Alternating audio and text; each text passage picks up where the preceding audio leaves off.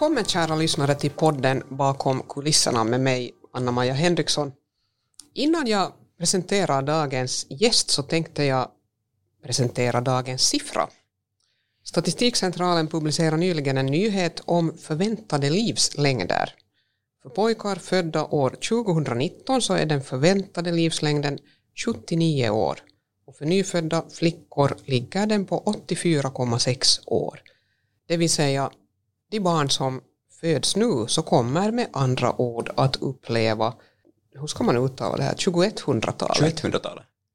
Det här redan blir ju svårt för oss. Hur ska man börja tala om 1900-talet och 2000, det blir 2100-talet. Okej, okay, så ta, det tar vi. Men hur ser då världen som vi lämnar efter oss ut? Jag säger hej och hjärtligt välkommen till Frida Sigfrids, ordförande för partiets ungdomsorganisation Svensk ungdom och du är också fullmäktige ledamot och ledamot av stadsstyrelsen i Borgå. Hej och hjärtligt välkommen Frida. Tusen tack, roligt att vara här. Jätteskoj att ha dig här. Och jag tänkte Frida idag att vi skulle tala lite om hur unga mår och, och så här lite i coronas skugga att, att vad, vad liksom, hur upplever man situationen idag och du som har mycket, mycket kontakter till unga så, så har säkert också synpunkter på det här och sen skulle vi kunna också tala lite om det här nya valet som har ett sådant här otroligt krångligt namn på svenska, välfärdsområdesvalet, som egentligen ju handlar om vården och vårt mående och, och, hur vi får hjälp. De här sakerna tänkte jag vi skulle hinna med, men om vi börjar med, med ungas mående så då man läser om hur unga mår idag så handlar det ganska ofta om klimatångest.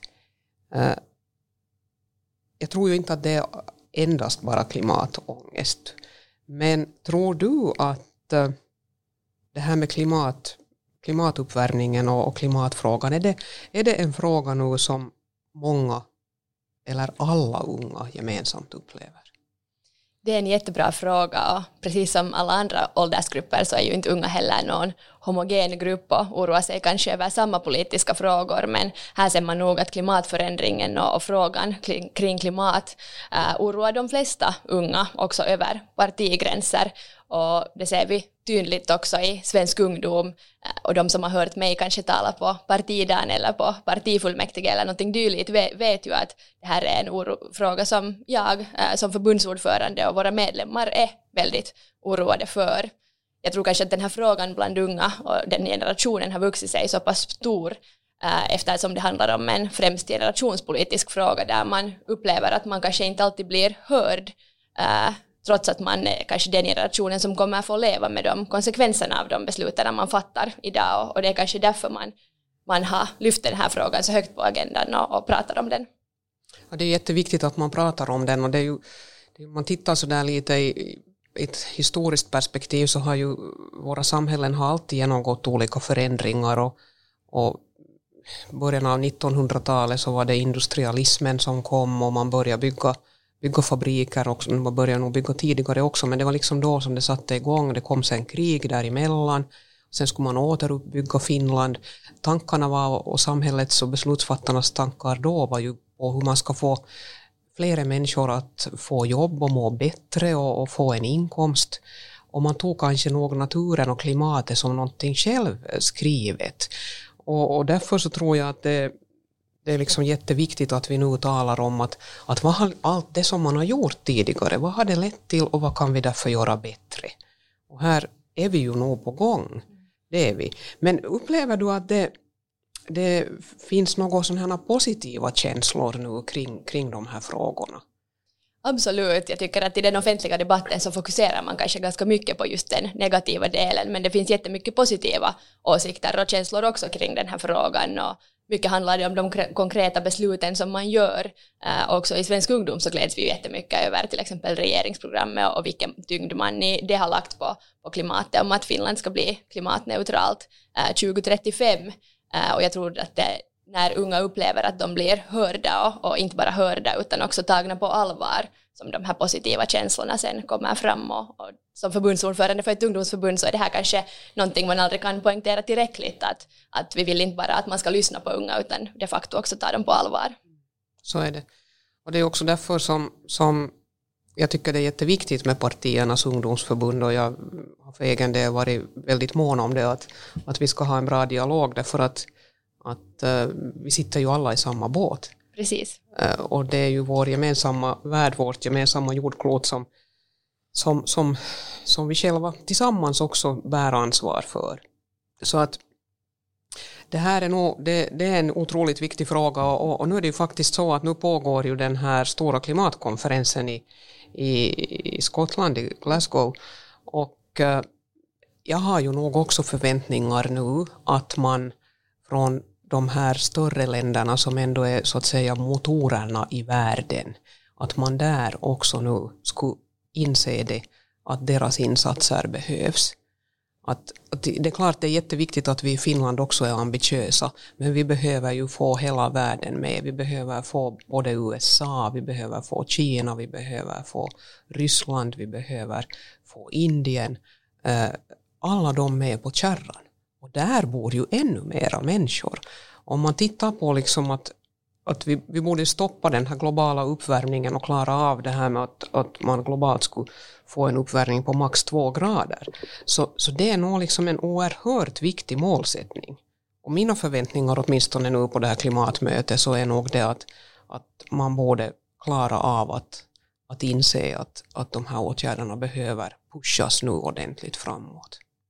Jag vet inte Frida, att hur du tänker när du tänker att nu träffas de där på klimatmötet. Det väl, var det 20 000 människor som skulle mm. vara där tyckte jag det stod någonstans.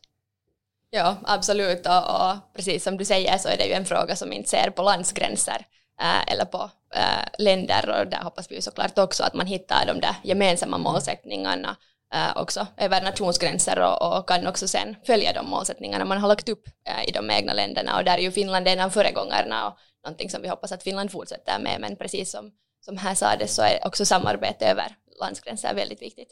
Så är det. Det där, några andra sådana här viktiga frågor nu för unga förutom klimatet, eh, hur ser du på, vad är, vad är annat sådär på tapeten? Det finns ju såklart en massa saker man skulle kunna lyfta upp här som vi dagligen pratar om inom svensk ungdom. Eh, en kanske större fråga som vi funderar på nästan dagligen är kanske hur vi ska lyckas upprätthålla vår välfärdsstat som vi har byggt upp också i framtiden. Och här ser vi nog också en viss oro, exempelvis eh, kring andelen arbetsför befolkning och också när man tittar på den demografiska utvecklingen som Finland är på väg mot. Och här tycker vi ju såklart i svensk ungdom att man borde göra framtidssatsningar eh, nu eftersom de här problemen ju inte kommer att försvinna någonstans utan tvärtom växa sig allt större ifall vi inte vidtar åtgärder. Eh, och Sen har vi också fokus på andra generationspolitiska frågor som till exempel lånebördan i Finland eller pensionssystemet och de här vill jag kanske lyfta upp av den orsaken att eller påvisa att unga är inte bara är eh, intresserade av politiska frågor som kanske syns i den ungas vardag, utan unga är också intresserade av alla politiska frågor som, som vem som helst annan, som till exempel pensioner eller äldreomsorgen eller dylika frågor. Och så är det och det, det, ju, det, behöver ju vara så och det är jätteviktigt. Och det är ju viktigt att, att också äldre är intresserade av de ungas frågor. Alla har ju Precis. varit unga och alla vet hur det är att, att vara ung. Det, det är klart, jag, jag, jag, har stor förståelse för, för det här och det är viktigt att ni också funderar eh, och kommer fram med era synpunkter för vi har ju också liksom då man gör eh, politiska beslut så borde man ju alltid tänka efter att hur påverkar det här på lång sikt. Och, och, och därvidlag så det ligger ju i allas vårt intresse att vi försöker jobba på ett sådant sätt att, att människor ska må bra oberoende av ålder. Äh, det handlar också om att orka jobba. Och, och, det här att orka jobba igen hänger ihop med pensionsfrågan, att ju längre vi orkar jobba, desto bättre är det både för individen men också för pensionssystemet. Och den vägen också för de yngre. Alltså så tänker jag ju att, att uh, om jag sköter om min egen hälsa så investerar jag inte bara i mig själv utan för det första så investerar jag ju i det att välmående blir bättre och jag är också på bättre humör och gladare åt min omgivning och sen, sen det där investerar man också i det att, att uh, bördan för de unga i framtiden inte blir lika stor. Precis, och alla politiska frågor som du säger hänger ju ihop med varandra. Uh, och, och där kanske man behöver också titta på det långa perspektivet och det tycker jag att man delvis har gjort men kanske någonting man skulle kunna bli ännu bättre på, speciellt kanske kring frågan om just välmående som kom upp här tidigare och som vi säkert ännu hinner diskutera ja, senare. så är det. det där, när, du, när du nämner några sådana förändringar som ni skulle vilja få till stånd så tänker du på något konkret då? sa här tidigare att, att, att ni tänker i svensk ungdom också på att ni vill få till stånd förändringar. Det, det görs ju nog hela tiden en del förändringar, mm. men det är något speciellt du tänker?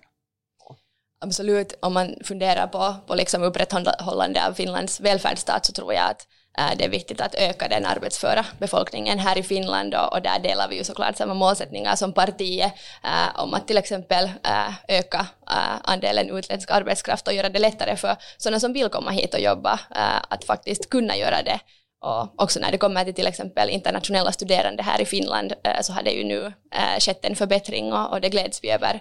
Eh, men vi tror kanske inte att de här lösningarna eh, kommer att lösa hela problemet, utan det mm. behövs såklart fortsatta konkreta förändringar för att kunna se till att vi kan upprätthålla välfärdsstaten också i framtiden. No, så, ja, exakt, och jag håller ju till 110 procent med om det att vi behöver, behöver fler människor som vill flytta till Finland. Och no, vissa kanske tror att det står en, en mängd människor där på kö och väntar på att få komma hit, men det är ju inte så. Utan, utan när vi talar om det här nu att vi har en stor arbetskraftsbrist i Finland så ser vi ju den redan eh, på många håll. Och, och därför så behöver vi ju folk hit som, som vill jobba. Och de behöver vi ju som samhälle också lyckas vara så attraktiva att människor på riktigt vill flytta hit till det här landet långt i norr. Där man har en ganska så här, Eh, ska vi säga trist vinter för tillfället. Uh, och sen, ha, sen har man ju nog ännu årstider. Men, men jag menar, vi, vi, vi är ju inte, jag tror att vi måste få den där självbilden klar, att man, står, man sitter inte och väntar på att nu få flytta till Finland. Det är, liksom, det är inte en grejen. Men däremot om vi kan erbjuda uh, ett trevligt samhällsklimat, uh, öppenhet, trygghet och service. Och, och, och, så, så tror jag vi har har möjligheter att också få folk att vilja flytta hit.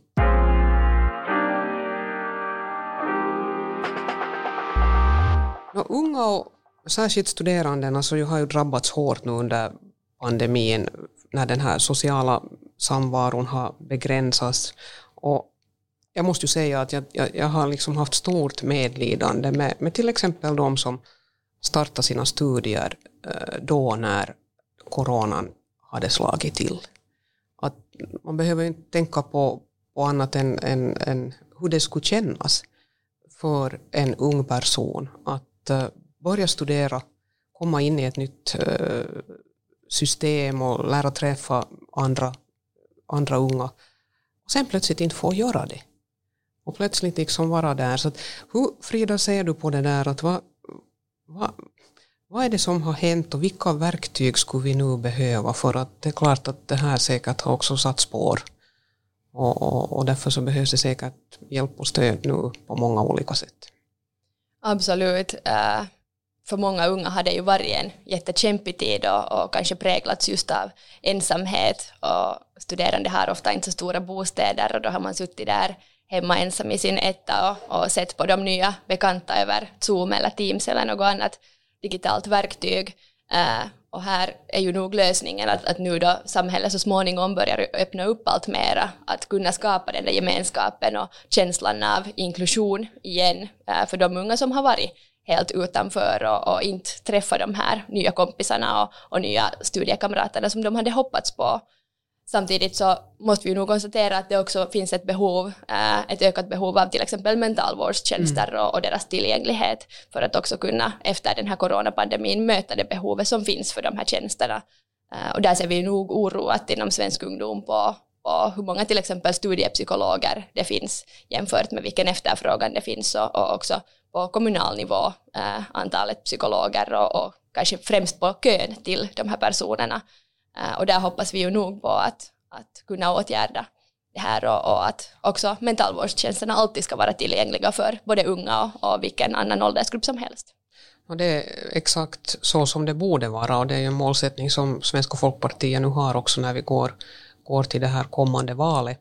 Så vi skulle vilja att det finns sådana här lågtröskeltjänster och mottagningar att du ska kunna få kontakt då när du mår dåligt och inte få det där beskedet att kön är så lång att du kan återkomma om fyra veckor.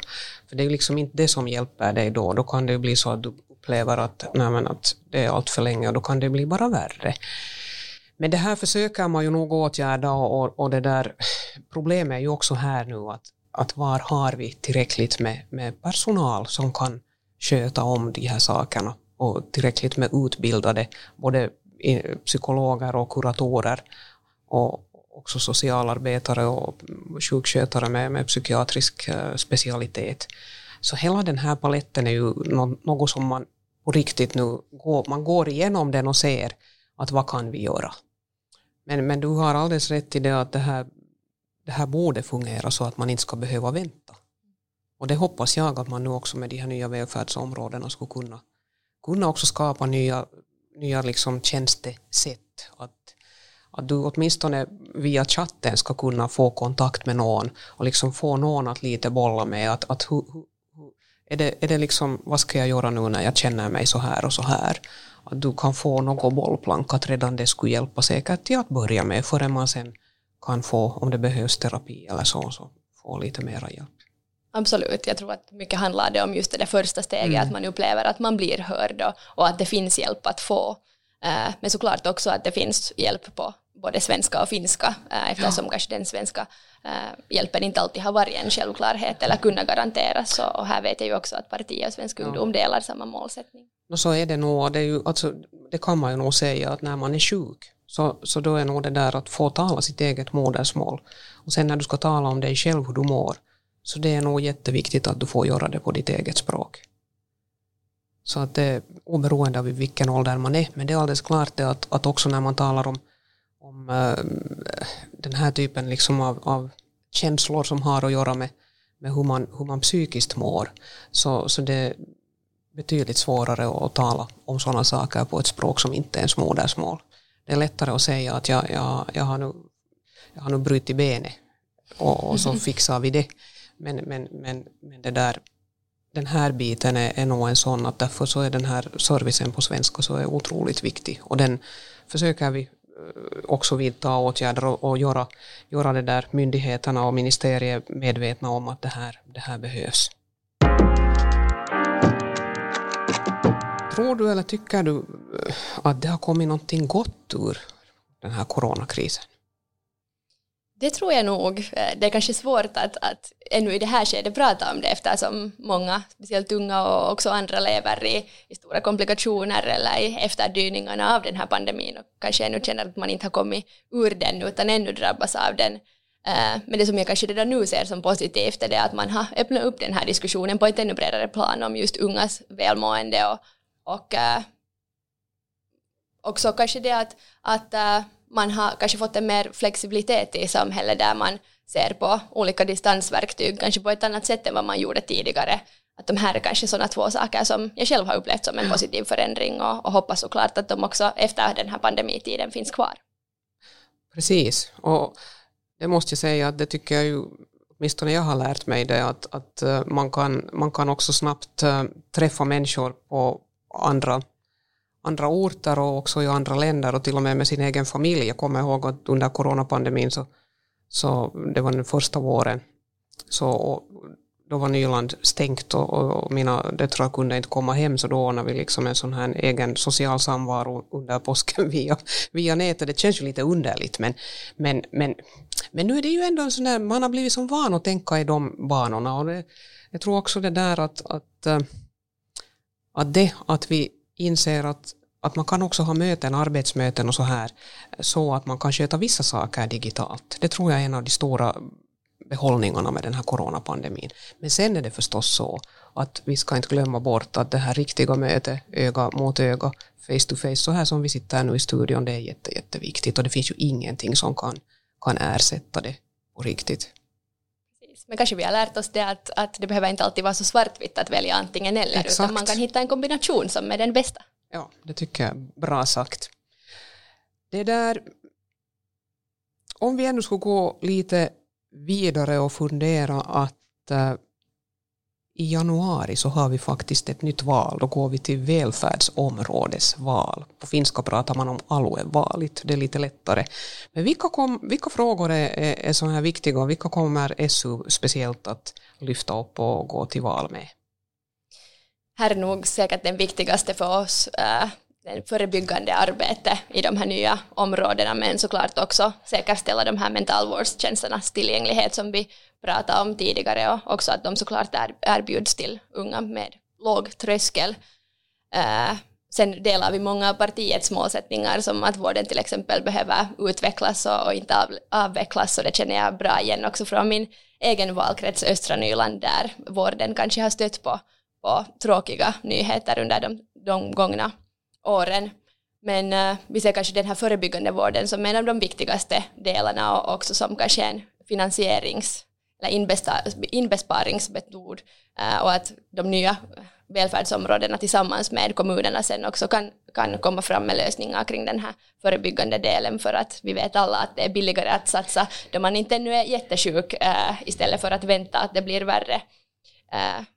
och andra målsättningar som vi har är till exempel att alla ska ha rätt att åldras värdigt, satsa på service för personer som har en funktionsnedsättning och att alla helt enkelt ska ha rätt till en jämlik vård oberoende socioekonomisk status eller bostadsort. Exakt. Det låter bra. Det låter som vi skulle ha samma valprogram. Nästan kanske. ja, ja, jättebra. Men det där, det är klart det här nu att, att eh, att få människor att bli medvetna om att, att det nu är ett val på kommande så där får vi nog jobba, jobba allesammans. Men, men hur ser du, hur ska vi få de unga att, att uh, tycka att det här är nog ett så bra tillfälle att gå och visa nu vad jag tycker att jag, jag vill verkligen gå och rösta. Vad ska vi göra där? Mm. Det här är ju en svår fråga. Eh, jag tror att det handlar om att säkerställa att det finns unga kandidater Äh, som också unga väljare kan identifiera sig med och som kanske har möjlighet att också föra den där kampanjen på, på plattformar eller ställen där äh, unga som inte kanske har funderat på att rösta i det här valet rör sig och att på det sättet skapa den här kontakten till, till sådana unga. Äh, men samtidigt tror jag också att det handlar om att bevisa att varför den där ena rösten är avgörande och helt enkelt vikten av att rösta i det här valet, äh, också för unga, precis som för alla andra åldersgrupper. Också, det här är ju någonting som vi aktivt ständigt arbetar med också inom svensk ungdom. Men jag tror att det kommer att bli en utmaning i och med att det här valet är helt nytt och, många har kanske inte ännu hört om det ens.